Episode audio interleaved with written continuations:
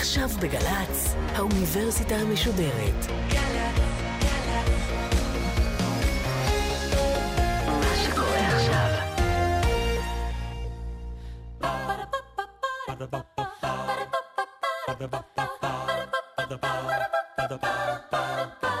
האוניברסיטה המשודרת מציגה מהים התיכון למזרח התיכון עם ליעד מודריק והסמסטר מאבקים חברתיים והפעם שיחה עם הפרופסור הנריאט דהן כלב מייסדת התוכנית ללימודי מגדר באוניברסיטת בן גוריון על המאבק המזרחי. עורכת ראשית מאיה גאייר האוניברסיטה המשודרת, אנחנו ממשיכים בסמסטר שלנו שעוסק במאבקים חברתיים בישראל, והפעם עם המאבק החברתי המזרחי, אולי אחד המאבקים הבולטים אה, בהיסטוריה הישראלית, ואיתנו פרופסור הנריאט דהן כלב, שלום לך. שלום, שלום. קשה לשים את נקודת ההתחלה, אם כי כולנו זוכרים את ואדי סאליב כנקודת פריצה משמעותית, אבל בואי נתחיל עוד לפני כן ברקע של המאבק הזה, כשמגיעים העולים לישראל ואיך הם מתקבלים על ידי הממסד. אנחנו מדברים באמת על אה, סמוך מאוד להקמת המדינה, לייסוד המדינה, ולתהליך הזה התלוו שלושה משברים קריטיים שהעמידו בסימן שאלה בכלל את האפשרות שאולי המדינה תתקיים או לא לאחר שיוכרז על יסודה. אנחנו מדברים על שלושה משברים שהראשון בהם הוא כמובן המלחמה של כל מדינות ערב שצרו על אה, המדינה הצעירה, אה, המשבר הכלכלי והצנע שאיים אה, איום של חרפת רעב על כל התושבים של המדינה הצעירה של חצי מיליון שהכפילה את תושביה למיליון מאתיים. ואילו המשבר השלישי הוא גל עליית ההמונים מארצות ערב והניצולים מאירופה, מהשואה.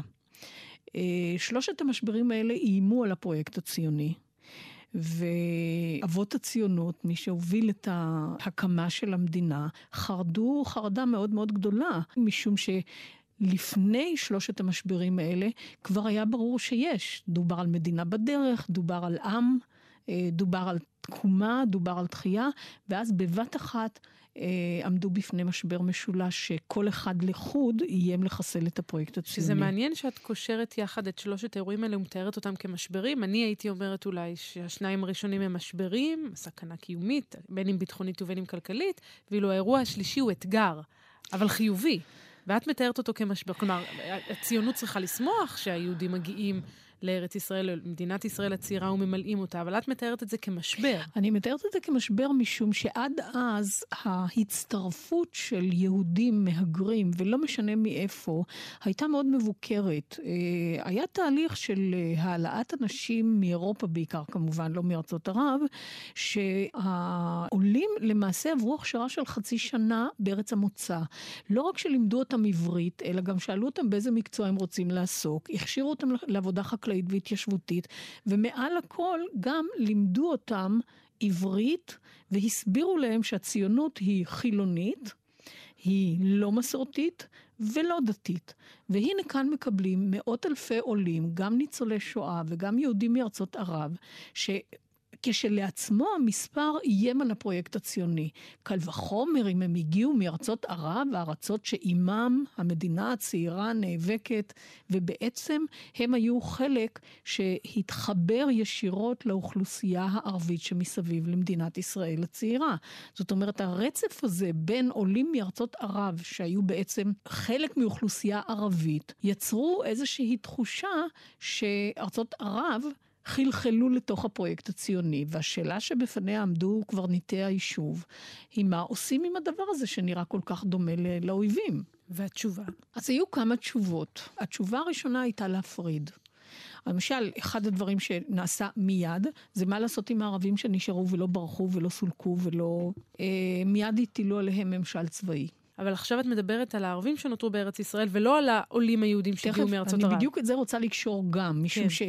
שלעניות דעתי, המחקרים ההיסטוריים לא קושרים את הקשר הזה, ואני חושבת שהגיע הזמן להבין שיש קשרים.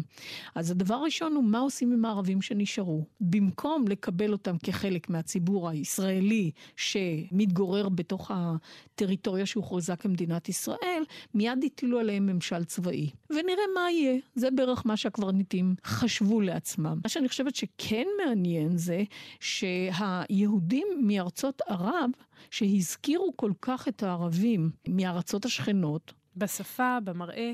בכל המובנים, היו בעצם אלה שעוררו חשש של תבוסה מבפנים.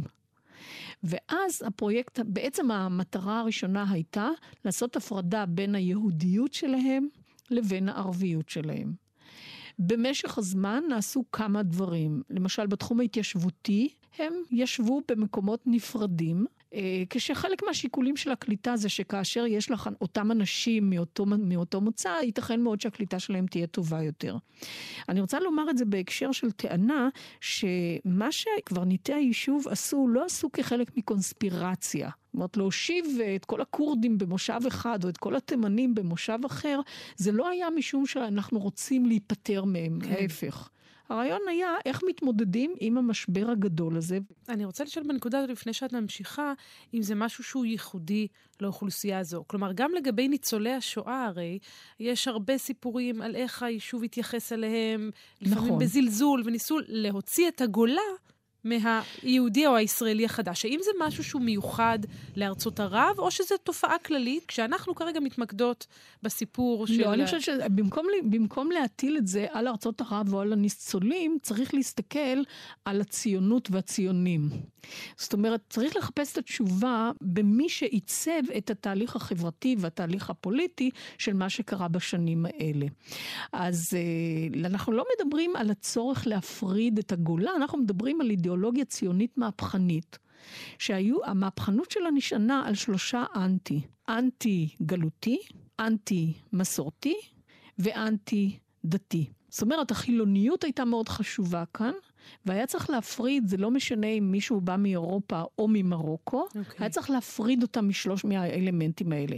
העניין הוא שצריך לזכור שהפרדת יהודי מגליציה, מהאנטיות שלו, היא לא הייתה הפרדה דומה להפרדת היהודי ממרוקו מהערביות שלו. וזאת משום שהציונות למעשה גם היא רק דימתה לעצמה שהיא אנטי-גלותית. אבל הגלותיות מאז ומעולם הייתה חלק מהפרויקט הציוני. תסבירי. כי זו טענה שאנחנו לא רגילים לשמוע. כל האנטים האלה זה היה חלק מתפיסה מהפכנית של התנועה הציונית. אבל מי בעצם הקים את התנועה הציונית? כלומר, את אומרת, דמותה של התנועה, דמותה של התנועה הציונית היא דמות, דמות גלות... uh, מזרח אירופית, נגיד, בהקשר גלותים, הזה. גלותים, אנשים שלא הצליחו להוציא את הגולה מעצמם. והאידיאל של הישראלי החדש שהם מציבים הוא בעצם אידיאל מערבי. נכון, יתרה מכך. המדינה אבל... הצעירה שהוקמה הייתה מדינה שהצהירו עליה שהיא דמוקרטית. אבל אולי למעט ויצמן, אף אחד מקברניטי היישוב לא בא ממדינה שהייתה בה מסורת דמוקרטית. מעניין. כולם באו ממדינות דיקטטוריות. תרבות בולשביקית הייתה חלק מהתפיסה הציונית. כך שכל התהליך הזה היה כרוך א', במשבר, במהפכה, אבל מהפכה שהייתה מלווה במשברים, וב', כל הסיפור הזה של רצון, השתתפות, חירות, שוויון, אלה מושגים רחוקים מתהליך של מהפכה ציונית כפי שהייתה. אז לתוך המציאות המאוד מורכבת הזאת, של ניסיון לייצר ישראליות חדשה, דמוקרטית, ממסורת שאינה דמוקרטית בהכרח, נכנסים, כאמור, נכנס המשבר הגדול הזה של מאות אלפים של יהודים שמגיעים לכאן, ובעצם נתקלים בממסד ממסד שמנסה לשנות את דמותם, ואמרנו לא רק שלהם, אבל אולי את אומרת אצלם, המקרה הוא קיצוני במיוחד. אז המשבר ברור, בואי עכשיו נתקדם באמת אל השלב שבו מתחילה להופיע המחאה. מתי אפשר למצוא את ניצני המחאה? זה רק ואדי סאליב או לא, שיש לא, עוד לא, לפני כן? לא, כבר בהתחלה, אני, שירים שחוברו באונייה, שמונה ימים של uh, הפלגה באונייה ממדינות כמו מרוקו או טוניס, או ממטוסים, שירים שחוברו במחנות המתנה, למשל במחנות בדרום צרפת, במרסיי, במקומות שונים, על כך שהבטיחו לנו uh, גן עדן ונתנו לנו רק מרגרינה ולחם, או דברים מהסוג הזה. הזה. זאת אומרת, כבר בהתחלה, ההבחנה שכאן יש אפליה כלפי אנשים שמוצאם מארצות ערב, התחילה לחלחל יותר מאוחר. אה, אז אנחנו יודעים שיש שם אפליה. יש שם אפליה גם בגלל נסיבות טבעיות, ואני אומרת טבעיות בזהירות, משום שתראי, אם את יודעת לדבר יידיש, ופקיד הקבלה, כל מה שהוא יודע זה לסמן כן. אה, בתשובות ברורות יידיש, אבל הוא לא מבין מילה בערבית, אני חושבת מטבע הדברים, תחושת הקרבה תייצר הרבה יותר נוחות לכוון אותך לעיר שאת רוצה להגיע אליה כדי לחבור למשפחתך. והמציאות הזו שבה יש כל מיני אה, גורמים שמובילים לכך שיש בכל זאת יחס שונה לשתי האוכלוסיות, מולידה הרבה מאוד כעס, הרבה מאוד זעם. אבל מה שהיה ברור זה שלא טוב, או שלנו לא טוב ולהם האשכנזים טוב יותר. תראי, תשימי את עצמך לרגע אחד במקום העולה. בתום לב הוא בא לחבור לארץ שלו, הוא נשק את האדמה, הוא רצה להיות חלק מהעניין, והנה הוא רואה שהדברים לא מתנהלים. לאט לאט זה מחלחל. עכשיו, יש כאלה שתפסו את זה יותר מהר, ויש כאלה שתפסו את זה יותר לאט. אלה שתפסו יותר מהר הפכו שולחן במעברה. אלה שתפסו יותר לאט, זה אלה שמצאו את עצמם בסופו של דבר בסלאמס, בשכונות כן, עוני. אז מה בעצם הוביל להתלקחות שם? אז כמו שאמרתי, כמו, כמו כל תהליך של כינון של בעיה, אה, צריך גפרור שהוא יתפרץ. הגפרור במקרה זה, זה במוסררה. במוסררה אה, שכונת עוני. כבר יש תרבות עוני, כבר יש אבטלה.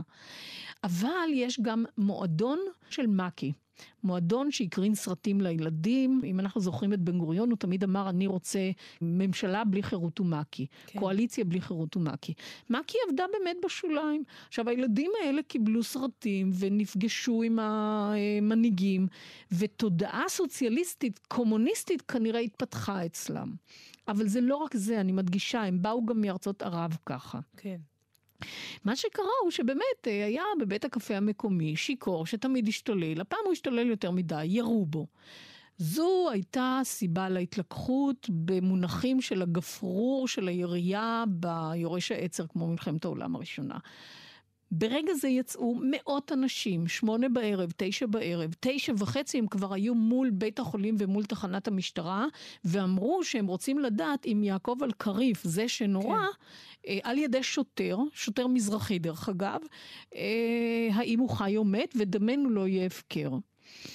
הם השתוללו, הם שרפו, הם, הם עלו להדר הכרמל, שהיא מאוד סמוכה לוואדי סאליב, והייתה שכונה בורגנית. כן. שרפו שם חלונות ראווה, מכוניות, אה, אה, את הכניסה לבנק המקומי, אה, בעצם עשו פעולות ונדליזם שזעזעו את המדינה. וכשהם מדברים על דמנו לא יהיה הפקר, הם כבר מציירים את עצמם כקבוצה שנבדלת. והם שוחטים תרנגולת ומחתימים דגל ישראל בדם וכן הלאה. בן גוריון נותן הוראה, זה מגיע מיד לבן גוריון, זה לא נגמר שם כן. בתחנת המשטרה המקומית, בן גוריון נותן הוראה להשתמש בכל האמצעים העומדים לרשות אוכפי הסדר, מה שצריך. הם מוחזרים הביתה בחצות, תוך הבטחה שאם למחרת הם יוצאים, אז הם יוצאים בצורה מסודרת. אכן, מוקדם מאוד בבוקר הם יוצאים בתהלוכה, בהפגנה, כל תושבי העיר. אבל צריך להגיד שבאותו זמן הידיעה פושטת בכל הארץ, ויש הפגנות בתל חנן, בבאר שבע, אה, נדמה לי גם במגדל העמק, בסדרה של יישובים שבהם היו עולים כן. מארצות ערב, בעיקר מרוקאים. עד כמה זה ספונטני ועד כמה זה יש יד מכוונת מארגנת? הטענה תמיד של הממסד זה שיש יד מכוונת.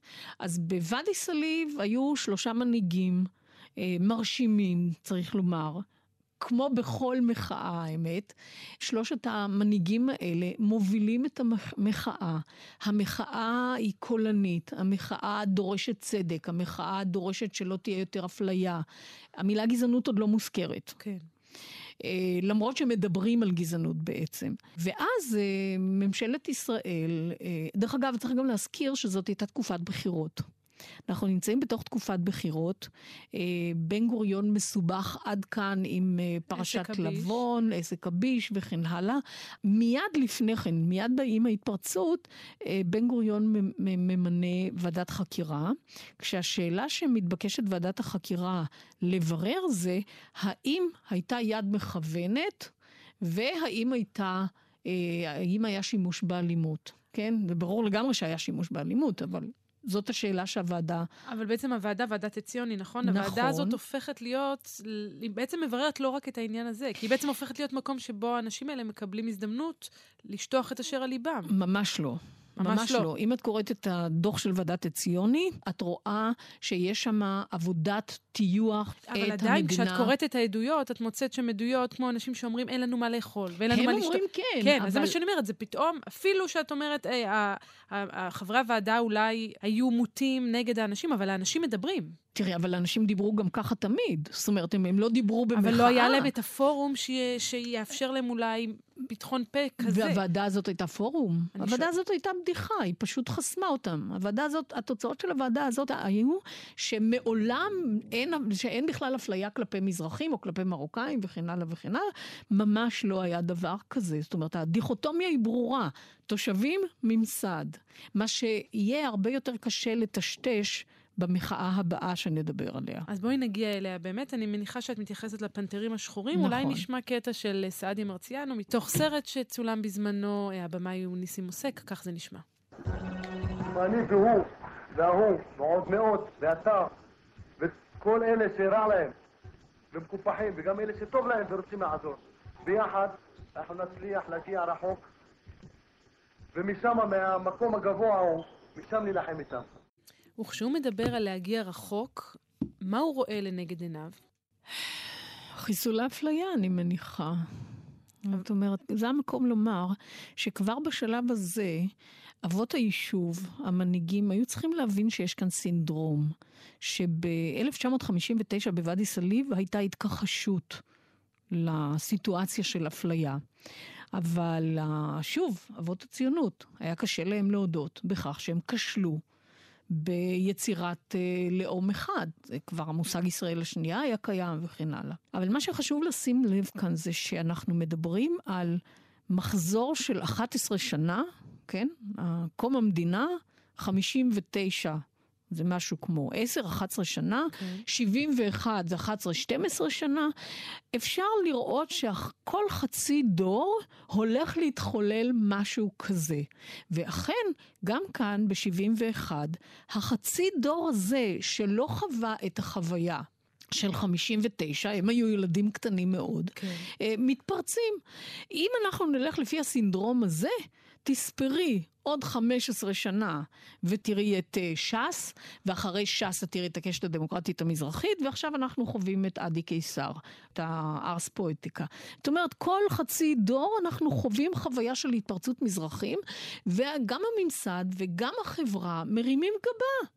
כלומר, מה אם לא ייתכן? אנחנו אה, חברה אחת, אנחנו אה, חברה שוויונית. כלומר, את אה, קושרת בין התגובות, של... נגיד היום, לטענות המזרחיות, לבין תגובת הממסד אז. בעינייך לא השתנה שום דבר. באטימות החברתית, נגיד, כלפי הטענות האלה? המילה אטימות היא לא נכונה כאן במובן הזה שמדובר בחברה דינמית. והדינמיקה היא של האינטראקציה בין המאשימים למואשמים, הקורבנות למקרבנים. אבל המושגים האלה הם מאוד מאוד טעונים ובעייתיים. כי המזרחים היום הם לא הקורבנות. אלא הם בעצמם לוקחים חלק באיזשהו תהליך חברתי. ואותו דבר, אני אמרתי בתחילת דבריי, אני לא חושבת שאבות הציונות היו, הייתה להם קונספירציה לדפוק את השחורים. כן. אני לא כן. חושבת שהיה דבר כזה. זאת אומרת, אנחנו לא מדברים על קונספירציה, לא מדברים על תמונה ברורה בין קורבנות למקרבנים.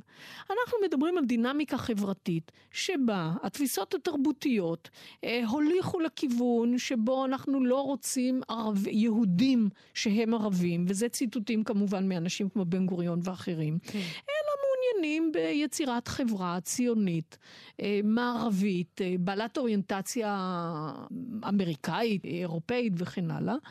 ומי שרוצה להצטרף אלינו במחילה מכבודו, שישתכנז מיד. אז בואי נחזור אחורה אל הפנתרים השחורים שעזבנו אותם כדי כרגע לקבל פרספקטיבה ממה שקורה בתקופה הזו בישראל, ואז מתחילות בעצם אה, הפגנות ושורה של פעולות מחאה, ובאיזשהו שלב דווקא מה שאולי מושך את תשומת הלב התקשורתית היא דווקא הצטרפות של מה שמכנים בתקשורת אז הבוהמה אל הטענות האלה, לקבוצה הזו של הפנתרים השחורים. בואי נשמע קטע מתוך הערוץ הראשון אז, ואז נמשיך לשוחח. כמה מאנשי הבוהמה התל אביבית הצטרפו בירושלים אל הפגנות הצעירים המתקראים הפנתרים השחורים. לא ברור בדיוק מי הם העומדים מאחורי המפגינים, אם עצמאים הם בדעותיהם, אם גורמי חוץ שמאלניים היו אלה אשר הלבישו אידיאולוגיה פוליטית על צעירים ממורמרים. קודם כל, תענוג לשמוע, תענוג את יכולה להגיד אולי מפוקפק, אבל תענוג לשמוע את הקטע הזה אה, וללמוד ממנו לא מעט. הוא מתייחס בעיקר לדן בן אמוץ ועמוס קינן, נכון? נכון. תראי, קודם כל, אמרתי קודם שמדובר בדינמיקה חברתית. עכשיו, ישראל היא לא אה, איזה מין עב"ם אה, בחלל הגדול, אלא כן. היא בתוך העולם. כן. בתוך העולם אנחנו יודעים שהפגנות הסטודנטים ב-68, ואחר כך המאבק על זכויות אדם בהמשך בארצות הברית, הכל מחלחל, ואלינו הכל מגיע תמיד באיחור של כך וכך שנים. אנחנו היינו באופוריה של 67. ארבע שנים לקח לנו להיות באופוריה הזאת, ומלחמת יום כיפורים עוד לא מתחוללת, אנחנו ב-71. כן. שוב אנחנו במערכת בחירות. ושוב אנחנו נמצאים במקום שבו בעצם הקבוצות שהוא קורא להם, הצעירים ממורמרים, יש עוד פעם בידוד של צעירים ממורמרים תוך התכחשות ועיוורון לעובדה שהצעירים הממורמרים האלה בעצם נותנים ביטוי לפלח מאוד משמעותי מהחברה הישראלית. אז כמו שאז קראו להם חוליגנים, היום קוראים להם צעירים ממורמרים. אגב, גם ב-71 קוראים להם פושעים, כן. קוראים להם קומץ, מבודדים אותם. וכמובן לא נחמדים, אבל באיזשהו שלב הלא נחמדים האלה גם אפילו חלקם מגיעים לכנסת ומנסים לתרגם את הכוח הזה לכוח פוליטי, וגם גם כמובן הבחירות אה, הידועות, מהפך 77, בגין שהופך את העניין הזה גם לחלק משמעותי ממערכת הבחירות שלו. מתי המאבק המזרחי באמת הופך להיות חלק בלתי נפרד מהזירה הפוליטית? תראי, לדעתי כל הזמן. כל הזמן, בכל מערכת בחירות הייתה שאלה האם נתארגן במרכאות כמפלגה מזרחית או כמפלגה מרוקאית או כמפלגה תימנית. בקום המדינה היו שתי מפלגות תימניות, שאחר כך התבוללו במרכאות או שלא במרכאות לתוך מפא"י. כן. אבל הרעיון של הקמת מפלגה פוליטית, וזה שוב מחזיר אותנו לטבעה של הדמוקרטיה הישראלית. דמוקרטיה ישראלית לא הייתה אף פעם ברחוב, לכן אני מייחסת לפנתרים השחורים וגם לוואדי סאליב את אחד הביטויים הראשונים של מאבק מחאתי פוליטי בתהליך דמוקרטי.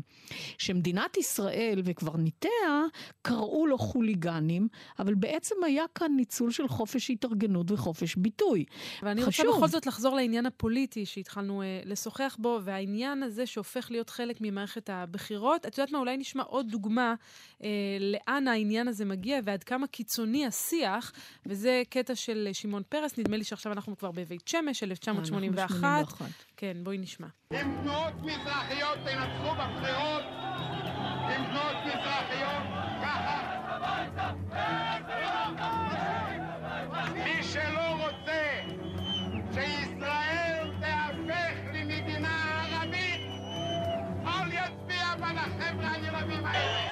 הדברים הם משקפים את מה שאולי דיברת עליו בתחילת התוכנית שלנו, החשש של מקימי המדינה שישראל תהפך למדינה ערבית, שהעולים שמגיעים ממדינות ערב ישנו את דמותה של ישראל. שוב, 81 זה לא 77, 77 זה לא 59, אה, מדובר בדינמיקה. כן. וב-81 יש כבר הריון חוץ-רחמי של ש"ס.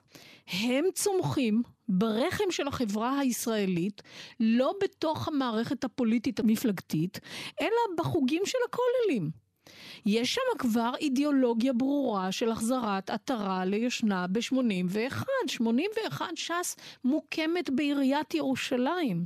ב-83 הם כבר נכנסים למערכת הפוליטית כמפלגה של הכנסת. והם מזהים לא רק את עניין הקיפוח, את אומרת, הכלכלי, המעשי, אלא גם את הקיפוח התרבותי, הרוחני. נכון, וזה לא מפלגה מזרחית במשמעות ה... אה, שדמיינו אותה אבות היישוב, אלא זה אה, מפלגה שהיא מצד אחד מסורת ישראל, היא מבקשת לתרום לתרבות הישראלית את מה שלדעתם אין בתרבות הישראלית. זה הדבר של המסורתיות, שהיה חלק מהאנטי הציוני. אז אני רוצה לשאול אותך לקראת סיום, את בעצם שרטטת פה תהליך והדגשת מצד אחד שכל אה, חצי דור המחאה חוזרת על עצמה, אבל מצד שני דיברת על כך שהיא משתנה, ועל הדינמיקה של המערכת. ואני רוצה לשאול אותך באמת, אם את יכולה להסביר לנו במה שונה התהליך הזה, כלומר, איפה את שמה את האצבע על השינוי? איך אפשר לדבר על ההתפתחות של אוקיי. המאבק החברתי בישראל? אז הדור הראשון, 59, הוא האנשים המובטלים, שהאלימות היא מיידית, שהם רעבים ללחם, אין להם עבודה. הדור השני הוא הילדים שלהם, שכבר הם דור שני של מובטלים, דור שני ש... הדור השני מנותק מהמסורת שאיתה באו מארצות המוצא. וגם לא זוכה ל, אה, לרכוש את התרבות ואת היכולות התרבותיות הישראליות, אני מדברת לא רק על כלכלה, אלא כן. גם על תרבות, בישראל. זאת אומרת, הם כבר תלושים עם חוסר עתיד. הדור השלישי הוא הדור שזכה לתרבות אשכנזית בכוללים. בישיבות. זאת אומרת, הם יהודים, אבל הם יהודים שבאופן מפורש מופלים משום שהם מזרחים. אבל זה הדור השלישי הדתי, יש גם דור שלישי חילוני. הד... הדור השלישי החילוני מקנן ומחכה. חלק מהילדים מצליחים להיכנס ככה ל... לאוניברסיטות. ואז ב-95' יש לנו את הקשת הדמוקרטית המזרחית. הקומץ של האקדמאים האינטלקטואלים שהצליחו. הם צריך כבר... לומר שאת חלק ממנה. אה, בעוונותיי. הם גוררים את החוויה של העוני, משום שעשו את זה כנגד כל הסיכויים.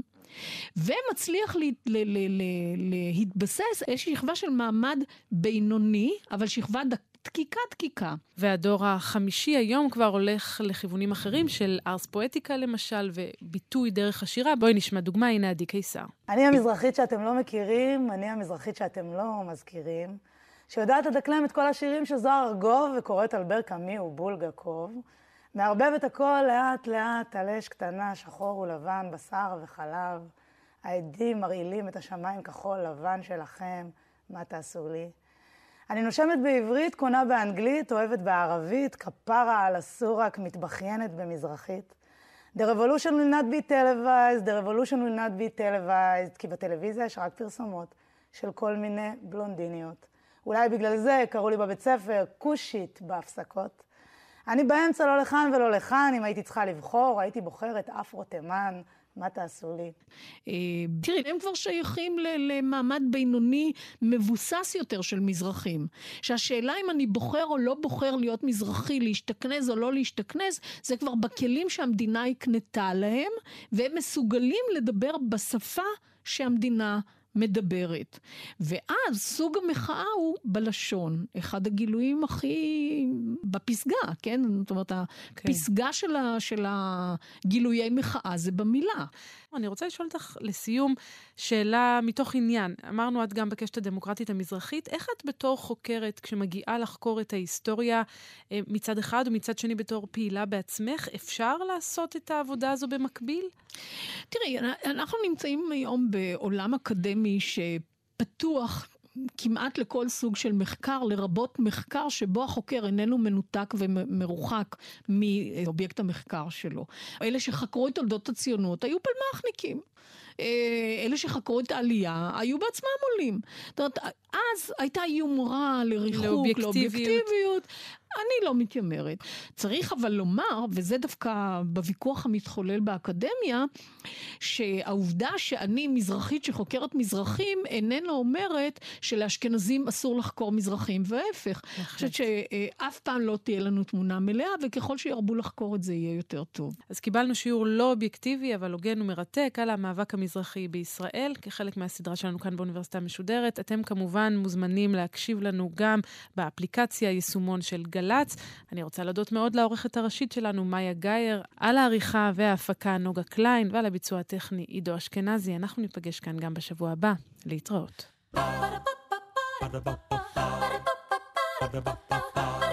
Ba-da-ba-ba-ba האוניברסיטה המשודרת, מהים התיכון למזרח התיכון. ליעד מודריק שוחחה עם הפרופסור הנריאט דהן כלב, מייסדת התוכנית ללימודי מגדר באוניברסיטת בן גוריון, על המאבק המזרחי. עורכת ומפיקה נוגה קליין. מפיקה ראשית אביגיל קוש. מנהלת תוכן מאיה להט קרמן. האוניברסיטה המשודרת, בכל זמן שתרצו, באתר וביישומון של גל"צ, וגם בדף הפייסבוק של האוניברסיטה המשודרת. ba ba ba ba ba